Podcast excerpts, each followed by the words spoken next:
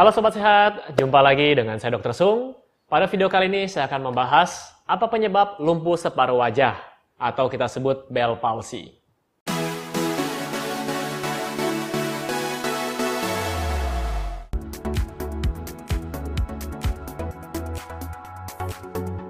Nah, Sobat Sehat, saya sering mendapatkan pertanyaan, Dok, kenapa om saya wajahnya lumpuh sebelah? Dok, kenapa om saya kalau senyum wajahnya tidak sama, asimetris? Dok, kenapa tante saya kalau tutup mata susah sekali? Jadi tidak bisa rapat, terus buka juga tidak bisa maksimal. Nah, Sobat Sehat, kalau saya mendapatkan pertanyaan seperti ini, yang dalam pikiran saya pertama kali adalah, kalau tidak stroke, ya Bell palsy. Tapi kalau saya sebagai dokter, saya harus berpikir yang emergensi terlebih dahulu, yaitu stroke. Nah, kemudian apa perbedaan antara stroke dan Bell palsy? Lalu apa penyebabnya? Saya jelaskan dulu, kalau stroke biasanya bukan hanya wajah yang terserang, ya. Jadi separuh anggota badan juga mengalami kelumpuhan. Biasanya pada umumnya seperti itu.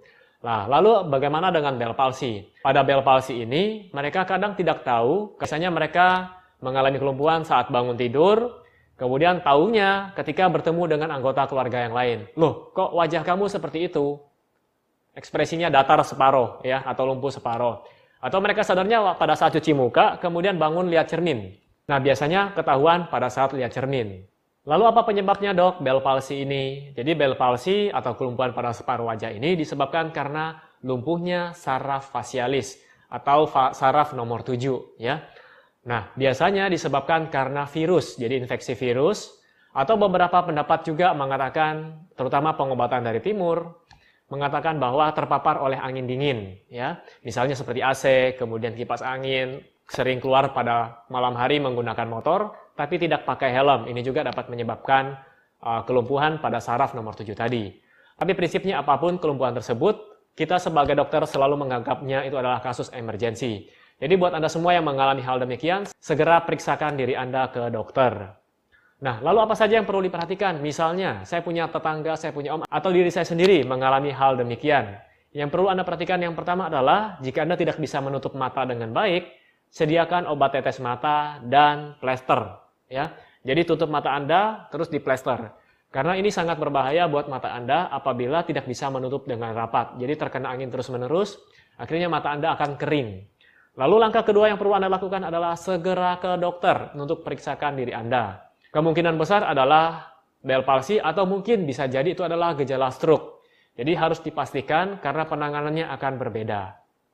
Nah, saya akan ceritakan sedikit apa saja sih tanda-tanda Bell palsy. Tadi seperti yang saya sebutkan, biasanya terjadi pada saat Anda bangun tidur. Jadi tiba-tiba Anda lihat muka Anda, loh kok menceng sebelah. Nah, tanda-tandanya kelopak mata Anda susah sekali untuk menutup dengan rapat atau membuka dengan maksimal. Biasanya ketika Anda buka, kerutan di dahinya tidak ada. Tapi di bagian yang sisi normal, itu ada kerutannya.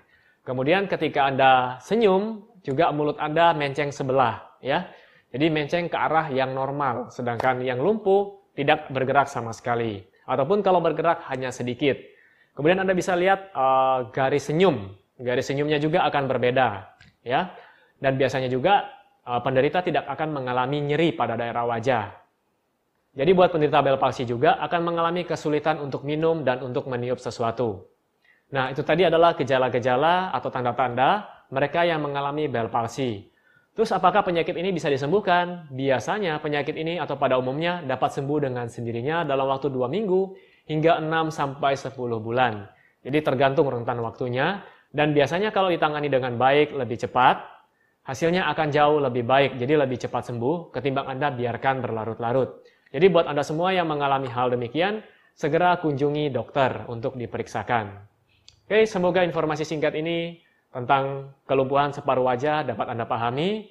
Jadi jangan dengarkan lagi mitos-mitos yang mengatakan, oh habis dipukul jin, jadi menceng sebelah. Jadi itu adalah mitos ya. Oke, sekian informasi yang bisa saya berikan pada video kali ini. Dan buat Anda yang sedang mencari produk-produk yang mendukung gaya hidup sehat, silakan kunjungi boxsehat.com.